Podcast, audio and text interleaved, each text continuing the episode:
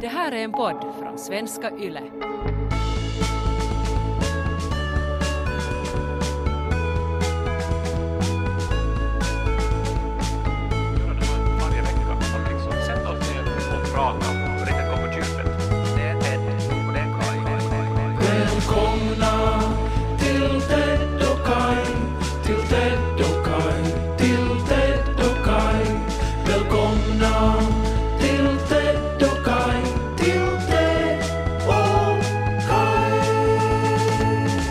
Hej Ted, Hej Kai. hur är läget? Helt okej, och är det själv? Ja, jag är på villan ute i skärgården. Har varit här i eh, snart en vecka och jag är så här uh, däst av eh, mycket sömn, mycket simmande och en del vin, får jag väl nog erkänna. Och så skulle vi ju åka båt hade vi tänkt, men det blev det inget av. Nej men Niko, alltså vi avslutade ju förra podden med att du berättade att Niko har köpt en båt. Ja, och vet du, det finns ju eh, grader av ondska Mm. och så finns det ju eh, grader av assholes också. Ja. Och eh, vi, vi råkar nu stöta på det ondaste, värsta assholet. Okej. Ja, som, som lovar då Niko att ja, den här båten som, som han hade bilder på då, så den, den skulle bli hans. Och det var liksom avtalat och, och vi hade pratat om priset och allting och Nikos ögon tindrade när Mm. han gick och la sig bredvid mig. Och, och jag såg att, att, att nu har han liksom tagit ett steg. Att han har köpt sitt livs första båt och han har gjort det på, liksom med egna pengar. Han har gjort det på eget bevåg. Och eh, han är liksom... Han är bara en lyckligare människa nu och, och liksom starkare på något sätt. Mm. Och eh, sen var vi och såg på den här båten och, och eh, all, den var jättefin. Alltså gammal och liten, ja, men liksom i bra skick och så här somrigt gul. Man blev lycklig av den här båten och Nikos ögon blev bara gladare och gladare och det blev, det, han liksom, hans hållning blev så här stolt att han var kapten, vet du. Mm. Och, och vi pratade om alla öar vi skulle besöka. Men så mitt i allt kom det då ett sms då från det här onda assholet. Att han hade sålt den till en annan människa. Som hade bjudit mer. Jaha. Och vi visste ju inte att det var en auktion. Utan vi trodde ju att vi helt enkelt hade köpt en båt av honom. Eh, och att han ju hade lovat den till oss. Och Nikos ögon eh, tömdes ju vet du som, som vattnet ur ett badkar. Men ni fick inte alltså möjlighet att, eh, att höja ert pris? Nej, och, och inte skulle vi heller tror jag ha velat göra det för vi, inte, alltså vi var ju inte på någon auktion. Vi hade bara sett en annons och ringt och sagt att vi tar den och han sa yes, den är er. Det är så intressant det där, alltså hur det funkar med sådana här annonser och sånt. Alltså för att jag har tidigare varit med om det att, eh, att Janika skulle sälja, jag minns inte vad det var, alltså typ en gardin eller en lampa eller någonting, eh, på en sån här online-loppis. Ehm, och eh, det var någon sån här struntsumma, alltså så här 20 euro kanske. Eh, och eh, det var då någon som sa att jag tar den här och så skrev alla andra Jono, Jono, Jono och sådär att alla ville ha den. Eh, och sen när hon hade skrivit åt den här människan att, att yes, att, att, att du var först, att du får den och, och kom överens, så var det många som alltså meddelade henne att, att, att, att skit nu i de här töntarna, att du får, vet du vad, du får 30 euro av mig. Ska vi göra så? Alltså det, det är liksom vanligt det här, alltså att även om man har skrivit att, att varan är såld, den såldes för 20 euro, eh, nu kan vi avsluta det här, så hör ändå folk av sig. Ja, men det är ju, där kommer ju då säljarens moraliska ryggrad in i bilden. Att är jag, är jag en, ett girigt ont asshole eller gör jag det som är rätt? Det vill säga sälja den till den som var först och som jag hade nu då ett avtal med då. Och, och eh, jag jag förstår det där då att jo, att att det är frestande då att många vill ha och, och man får högre pris och det är marknadskrafter och så. Men som sagt, eh, det finns ju regler, oskrivna och skrivna. Och den oskrivna regeln här var att om man har lovat den här till Niko via textmeddelande så då är den hans. Ja. Och Niko har ju, har ju gått omkring nu då som, vet du, hängt så här och, och, sett uh, ledsen ut. Och, och sen så blev det till ilska också. Och han eh, sa att om han ser den här båten någon gång, uh, vet du, den här köparen, eh, att han har den någonstans där vi är, så då ska han borra ett hål i den så den sjunker. och, och eh, Niko är ju annars vet du, jättefredlig och så här. Jag tror jag aldrig har sett honom så här liksom slagen och, och, och hämndlusten och besviken. Snart börjar han svara på annonser och ska köpa en borrmaskin och så händer samma sak också då. Bo en bormo, bo två sarvotning som talar sitt så popna popcorn så bredvid popnöderna popcorn så bredvid lys på Ted och Kai Jag har ju firat midsommar nu då och träffat ganska mycket folk. Och eh, det har varit de senaste åren eh, lite problematiskt ibland att träffa folk. Och det beror på den här podden. För att Jag trodde du skulle säga att det beror på den här pandemin. Bra poäng. Eh, Men det är någonting som har gällt främst då det senaste året och som man har pratat så mycket om att man inte orkar prata om det längre.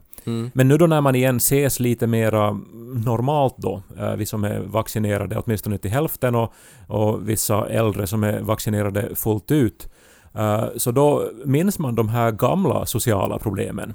Och eh, ett då som den här podden har orsakat är att eh, överraskande många då har redan hört vad som har hänt i mitt liv. Så att jag har inget att prata om riktigt med dem. Nej. Om inte jag vill upprepa mig.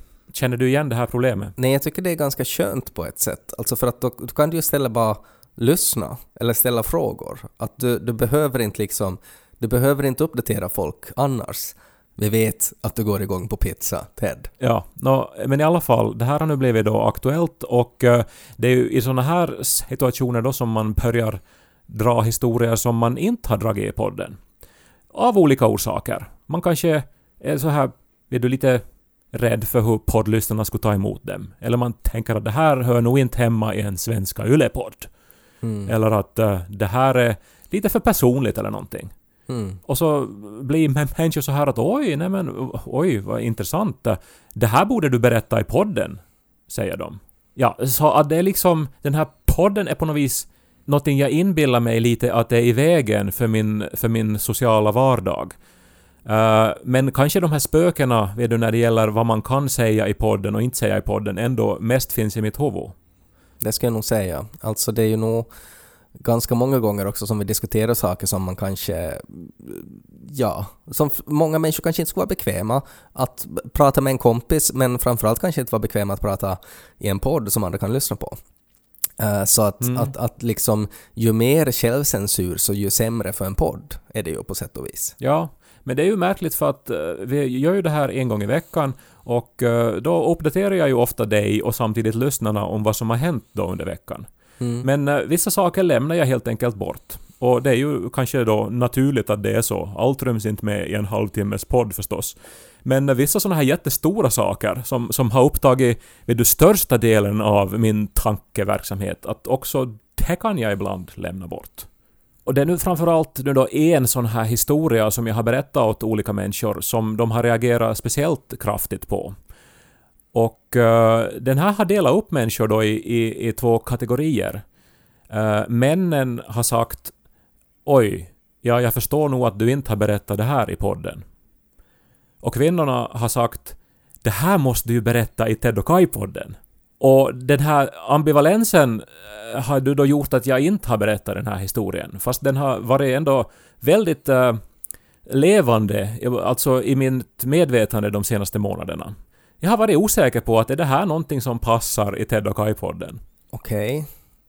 Du vet ju nu, alltså bara, bara med en sån här setup, alltså bara det att du nämner det på det här sättet så, så nu, nu är du ju redan inne på det spåret att nu måste du berätta om den här saken. Du kan inte liksom, du kan inte nämna en sån här sak och sen inte prata om det. Ja, och det är väl kanske därför också som jag har sparat den här historien nu då tills, tills nu. För vi ska strax nu då gå på ett litet eh, sommaruppehåll. Vi kommer att eh, under de nästa fyra veckorna sända repriser av livepoddarna som vi gjorde innan pandemin. För att jag och Ted då ska vara lite lediga. Eh, vi är sen tillbaks i augusti förstås.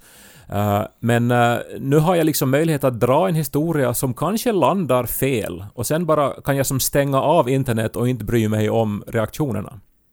Det handlar ju då på något sätt om det här att jag och Niko har ju, har ju dejtat kvinnor det senaste Eh, året nästan, eller åtminstone ett halvt år riktigt på allvar. Och det här har jag ju pratat någonting om i podden nu, men det är ändå en grej som, som lite har varit som No, alltså eftersom så mycket är osäkert och e-, eftersom det handlar om andra människor och så här så har jag ju inte riktigt ändå velat på allvar prata om det kanske, än så länge i alla fall. Ja, bara som en liten parentes här, alltså ni har ju inte alltså, det, det du har sagt är att ni har ju inte dejtat kvinnor för att på något sätt krydda till det i sovrummet utan att ni har ju dejtat kvinnor för att ni skulle vilja skaffa barn. Exakt, precis så är det. Eh, och eh, vi har nu träffat ett antal kvinnor, diskuterat mycket. En del dejter har inte lett till en andra dejt. Några dejter har lett till ytterligare träffar. Och så här har vi hållit på nu då. Och eh, det har varit både spännande och så här pirrigt på ett väldigt existentiellt sätt. Man, det är ju stora saker på gång om det skulle bli av. Och sen är det ju just speciellt att vad är det man riktigt nu ska diskutera då? Eh, för att inte ska vi ju bli liksom livskamrater, men på något sätt ska vi ändå bli det. Så att eh, det här har varit komplicerat ibland. Mm. Och jag har tänkt my- mycket på det här att eh, vad kvinnan letar efter när hon ser oss. Alltså vad, vad hos oss är det som, som liksom gör att hon tänker att ja men det här, det här skulle bli en bra pappa till mitt barn. Mm. De här, då de har liksom det bra genetiska materialet som jag letar efter och som mitt barn förtjänar. Och så har de en sån här jättefin, somrigt gul båt. Ja, det, ja no, det har vi ju inte. Men det skulle ju ha varit någonting att visa upp då för att ytterligare få poäng. Mm. Men det här är ju nu då någonting som har, som har rört om i våra känslor mycket och som vi har diskuterat hundratals timmar och som, eh, som man har vet du, legat sömnlös över. Att hur ska det riktigt bli med det här nu då? Eh, och hur ska man kunna lita på, på någon och så vidare. Men det som jag inte då hade, hade räknat med var att, att det skulle bli tvivel på om jag kan lita på mig själv och min egen insats i det här då. Uh, och det är nu då som jag, som jag kommer in på det här ämnet då som, som jag kanske har inte velat ta upp i podden, för, för jag har tänkt att ja, men det här kanske folk nog inte vill höra om. Men Ted Forsström, vad har du för relation till din egen sperma? uh, ja, vi kommer väl helt okej överens, skulle jag säga. Alltså, min relation är väl att, att jag hade behov av, av sperman då när vi försökte skaffa barn och det funkar väldigt enkelt så att på det sättet så, så är det nog liksom att, att skulle jag träffa min sperma så skulle jag väl nog liksom high-fivea och säga sådär bra jobbat. Ja, no, din sperma fungerar ju bevisligen. Alltså det kan ju ingen, ingen på något vis uh, förneka. Mm. Uh, men det är ju inte så ofta som ens uh, män, eller åtminstone inte du och jag, vi har ju inte så ofta pratat om sperma. Eller det är ju inte sånt man kanske pratar om så mycket.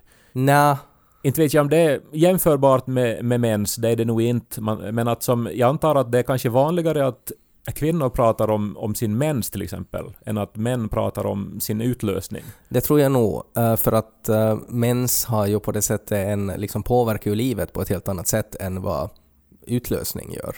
Alltså det, det är ju liksom, man kan leva ett helt liv utan att på det sättet liksom bry sig så mycket om sperma. Så är det ju. Och för de flesta män så är det ju ändå någonting som på något vis eh, man tar för givet att finns. Att det är nu någonting som man bekantar sig med där i tidiga tonåren att ah ja, jag har en sån här funktion. Nå men, vad kiva. Och sen om man följer uh, hälsovårdarens råd i lågstadiet, som jag minns det, i esse, så rekommenderar hon uh, tre tömningar i veckan. Så kanske tre gånger i veckan så stöter man på det här då, så är man att ja, ja, no, men det här ser ju ut som det brukar och sen så går man vidare i livet. Mm. Är det inte så? Ja, Man, man liksom litar ändå på att kroppen fungerar. det är bara intressant ordval, alltså att prata om tömning. Alltså sådär som att, att det låter som att man på något sätt drar i en spak så att det lättar på någon ventil och så bara rinner det ut. Men det är väl precis det som det är. Exakt beskrev du ju vad, vad onani är. Uh, eller alla gör det säkert på sitt eget sätt. Men i stora drag så är det det som händer. Och det måste jag säga att för mig så har det alltid sett eh, alltså ganska pålitligt ut. Jag, jag har en sån här, en fabrik utan överraskningar som jag har kunnat lita på att fungerar. Eh, det som det aldrig har varit förr är, är, det, det, är det som det då blev till en dag i vintras. När det då... Ja, no, vad ska jag säga? Alltså det, det, det var orange eh, Det som kom ut. Eh, Förlåt att jag skrattar men Alltså orange på vilket sätt? Alltså så här 90-tals liksom neonorange eller så där solnedgång? Alltså apelsinskal. Så här eh, väldigt orange. Och som väldigt... Alltså helt orange? Ja. Ja, Alltså jag kan inte egentligen beskriva det på något annat sätt. Alltså det såg onaturligt ut. Det såg ut att... eh, alltså dels som en överraskning, vänta nu, va, va, va, så här, det, här, det här har inte hänt för så här ska det inte se ut. Och sen den omedelbara reaktionen, eh, det här är ju inte friskt. Nej. Nu är det någonting fel. Ja. Och det här gäller ju förstås allt man upptäcker med sin egen kropp. Man upptäcker någonting som inte är som det brukar eller någonting som ser oroväckande ut. Det, det, det påverkar ju en på alla plan. Mm. Och eh, man blir ju orolig. Och är man lagd åt det oroliga hållet, som, som jag också kan vara ibland, och speciellt när det handlar om hälsa, så då eh, blir det ju extra obehagligt. Mm. Men, men jag bara tolkar Ted din reaktion som att det här, det här har aldrig hänt dig. Nej, alltså det har nog, det har nog inte varit eh, alltså spännande färger för mig. Nej, och jag, jag börjar ju genast förstås tänka då att, att uh, okej, det är ju, måste ju vara blod i sperman nu då. Ja. Alltså som gör att den har en annan färg. Mm. Och det, det, det, det låter ju inte bra om det är Nej. så. Då måste det ju vara någonting allvarligt fel. Och sen tänkte jag då, vad är de vanligaste till sjukdomarna eh, för män i min ålder? Nå, det är testikelcancer, det är prostatacancer, det är någonting som har att göra med den här funktionen. Mm. Eh, Så att eh, jag tog ju det här på, på stort allvar och ringde genast då till, till läkaren. Och vet jag, alltså ska vi som... För nu egentligen inleds den här historien då. Att, eh, och jag, jag vet inte då, jag är lite obekväm med att berätta den. Skulle det bli lättare om du skulle lägga på någon musik eller någonting som på något vis fjärmar mig från att jag faktiskt drar en historia från mitt eget liv och låtsas att jag berättar någonting påhittat? Ja, men jag, vi sätter på lite bakgrundsmusik och så känns det kanske mer som eh, lite show då. Ja, alltså du måste ju leva dig in i hur otroligt rädd och dåligt jag mår när jag då går till den här läkarmottagningen och sätter mig utanför urologens kontor. Jag tror jag har den perfekta musiken. När den här läkaren så, eh, han är allvarlig och stor och han bryter på ryska. Och eh, jag sätter mig ner och förklarar då vad det är som har hänt. Och han frågar så här att eh, hur länge det har pågått, symptomen, Eh, och eh, om det är någonting som jag har gjort annorlunda. Har jag fått något slag i skrevet eller så här? Har jag ramlat med cykeln eller någonting? Jag säger nej, det, det är nu bara att, att eh, plötsligt nu då så, så är det en märklig färg. Han antecknar någonting i datorn och så säger han att på sin ryska brytning att, att vi gör ett ultraljud på en och samma gång här, upp på bänken.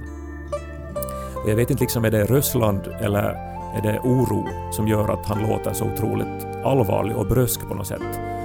Eh, Men jag hivar mig upp då på den här bänken och eh, han utför då ett ultraljud på, på mig, eh, på den regionen. Jag vet inte om du har varit med om det här? Jag har varit med om ultraljud för att jag hade problem med gallan, så jag vet precis vad det innebär.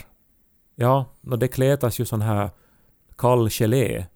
Mm. Sen så, så, så trycks det och, och jag menar det gör, gör ju inte ont men det är inte heller en behaglig känsla. Nej. Nå, han antecknar då vad han hittar. Se, sedan ser jag i rapporten att det står att prostata on pieni ja viaton näköinen. Och det tycker jag är fördomsfullt. Vad vet han om det? Alltså betyder det att den ser oskyldig ut? Ja, Den här, den där prostatan sitter där med, med flätor i håret och en, en liten fluga och glasögon. Jag har nog inte sett så mycket jag i mitt liv jag. ja, en liten oskyldig sån här fröken som... som ja. Men i alla fall, han går igenom då eh, alla delar och eh, sen då så pratar vi en stund och han säger då att allting ser normalt ut. Att eh, som han ser det nu så är det ingenting att oroa sig för. Eh, men förstås ska vi göra då laboratorietest då. Så jag går ut därifrån eh, så här, vet du, dels lättad, dels ännu orolig för att jag har ju inte fått svar på min fråga. Jag, jag har fått delvis då lugnande besked men att jag har ju ändå mitt symptom. Och jag går då till laboratoriet och det är i en källare i Tölö. Och där får jag då burkar som ska fyllas med det ena och det andra.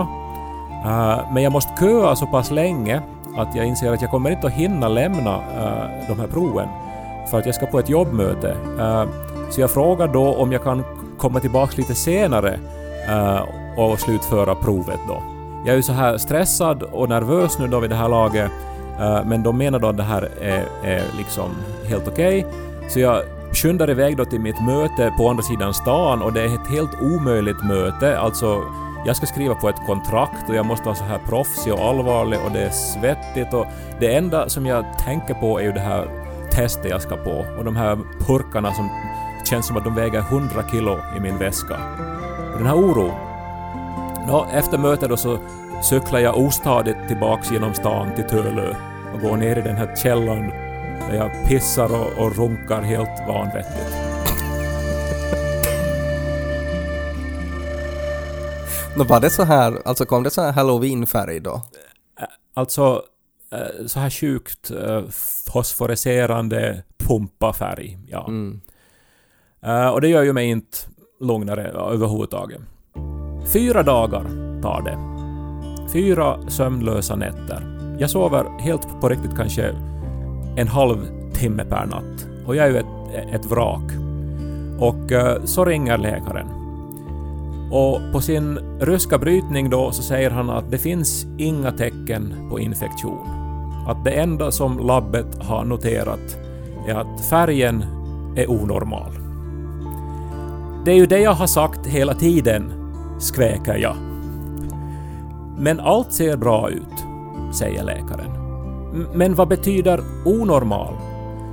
Han säger att det kan variera i färg beroende på kost och motion och stressnivå, men det är ingenting fel på mig. Att jag ska höra av mig om det sker en förändring och att jag ska försöka sova lugnt. Nå, jag sover ju inte alls. Och jag kollar färgen morgon, middag och kväll. Och det är apelsinskal. Det är giftig Tjernobyl-sperma.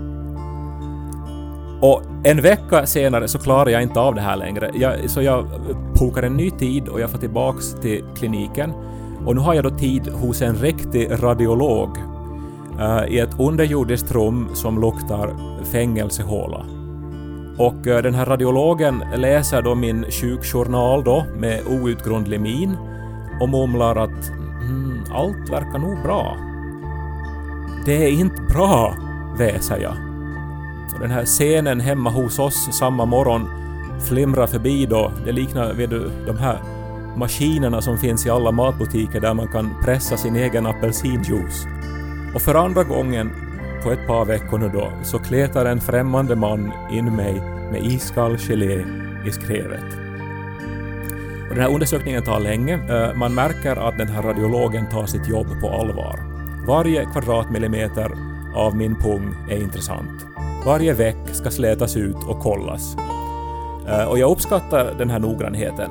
Eh, och jag vet att det också är en förutsättning för att jag ska kunna lita på resultaten sen. Eh, han vänder på en sån här modul som står på hjul och så visar han mig vad det är han ser på en skärm. Och plötsligt ser jag då insidan av min egen kropp på en skärm. Det är ganska speciellt. Det, det ser fint ut. Det är så här skuggor och planeter och jämna, regelbundna, fina former. Det ser ut som det ska, säger radiologen. Läkaren ringer imorgon. Och på natten så drömmer jag att jag har tvättat mig i ansiktet eh, i ett handfat och att jag rätar på ryggen och tittar mig i spegeln och att mina ögon glöder mitt emellan rött och gult. Och, och jag, jag väcker Niko mitt i natten. Jag andas snabbt och, och, och jag jämrar mig. För, för jag är ju sjuk. Alltså i grunden, alltså mitt DNA är sjukt. Nästa dag är det ju helt omöjligt för mig att jobba. Jag går till mitt kontor men jag sitter bara där och stirrar på telefonen som är som en osäkrad handgranat. Så ringer eh, ryssen, som jag har börjat kalla honom. Det finns inga tecken på förändringar, tumörer eller oegentligheter. Allt ser bra ut. Och nu finns det också någonting nytt i hans bryska, ryska, svala professionalism. Det är en sån här otålighet.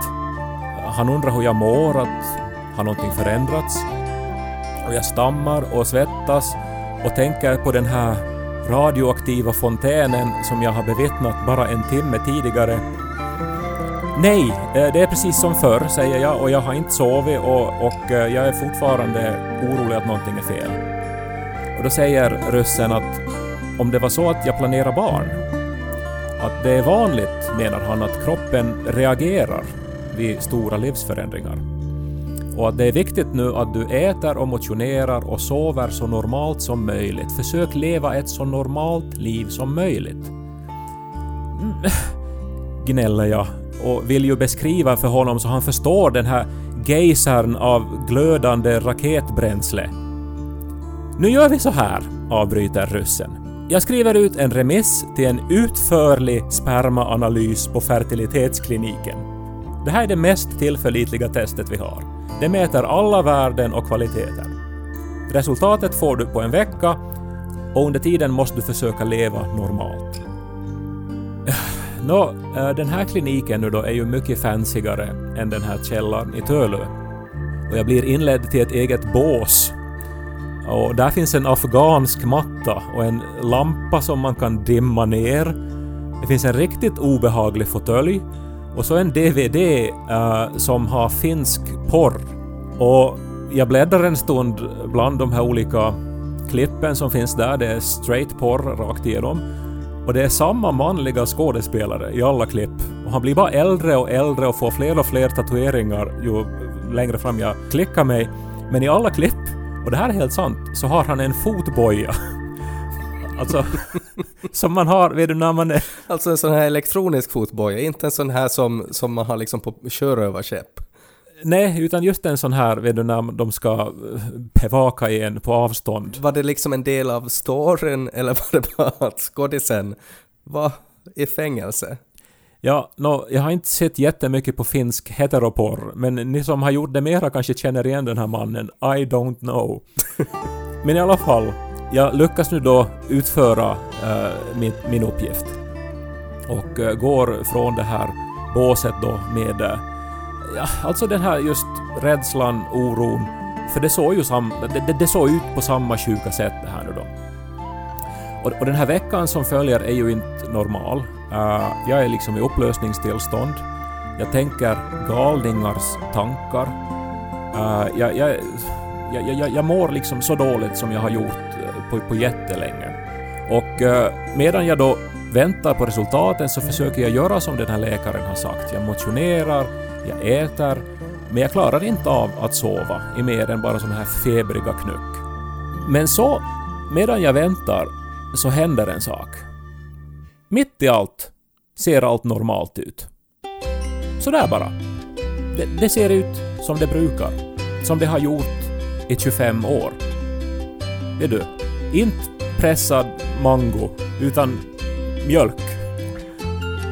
Och jag testar igen och eh, det- eh, det är som det ska. Alltså, bara som, som vet du, på ett fingerknäpp hade svängt tydligen. Nico och jag firar som bara bögar kan och vi gläds. Och jag sover gott. För första gången på tre veckor så sover jag hela nätter. Och resultaten då från den här utförliga undersökningen från den fancyga kliniken så kommer som en pdf. Och det är mycket data. Eh, en katalog av olika pH-värden och volym och mängder.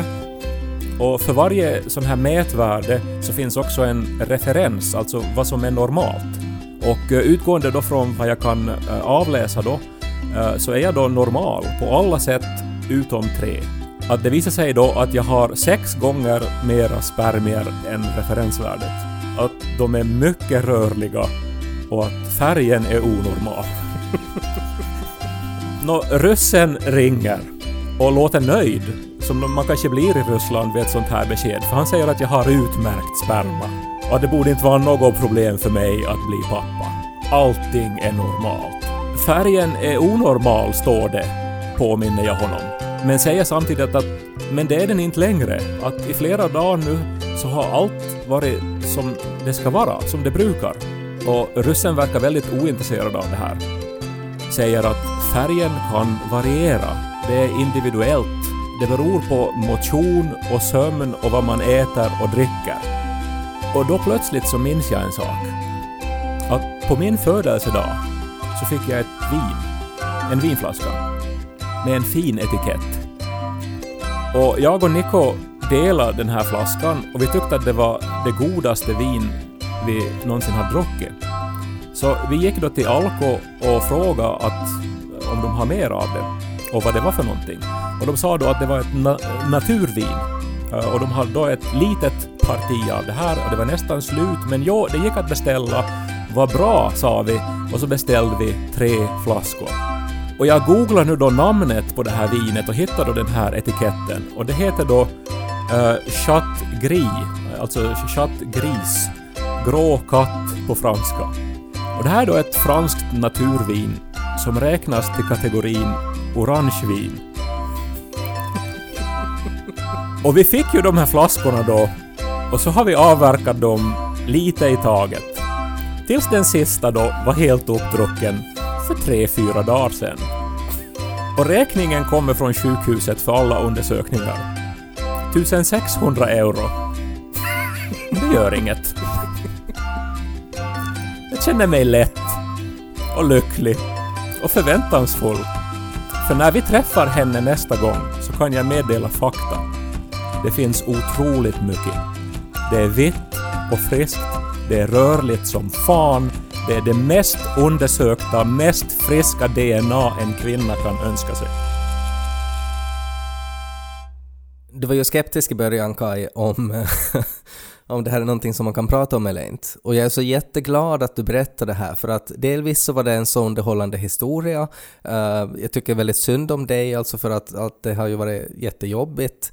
Eh, men också så tycker jag att det här är så fint, alltså för det här är ju verkligen public service. Alltså sådär att, att du har genomgått det här nu så att andra karlar inte ska behöva göra det. Alltså nu vet man, om man dricker vissa former av naturviner så får man halloween-sperma. Och det är jättebra att veta det.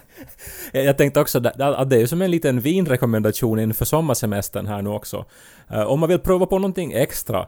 Eh, men jag kan eh, också inskjuta här att jag, att jag bjöd ju andra på det här vinet också. Och också Niko drack ju av det, men att ingen annan har rapporterat någonting motsvarande. Så att jag vet ju inte nu då om det är så att jag då har någon speciell sorts ämnesomsättning eller någonting, eller hur det funkar. Men eh, ett gott vin är det nog, det kan jag säga.